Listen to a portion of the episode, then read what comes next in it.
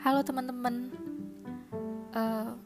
maaf kalau misal podcast saya ini tidak sesuai dengan ekspektasi kalian, karena ya podcast saya ini saya buat awalnya juga iseng-iseng, terus saya juga cuman pengen ngungkapin apa yang ada di pikiran saya,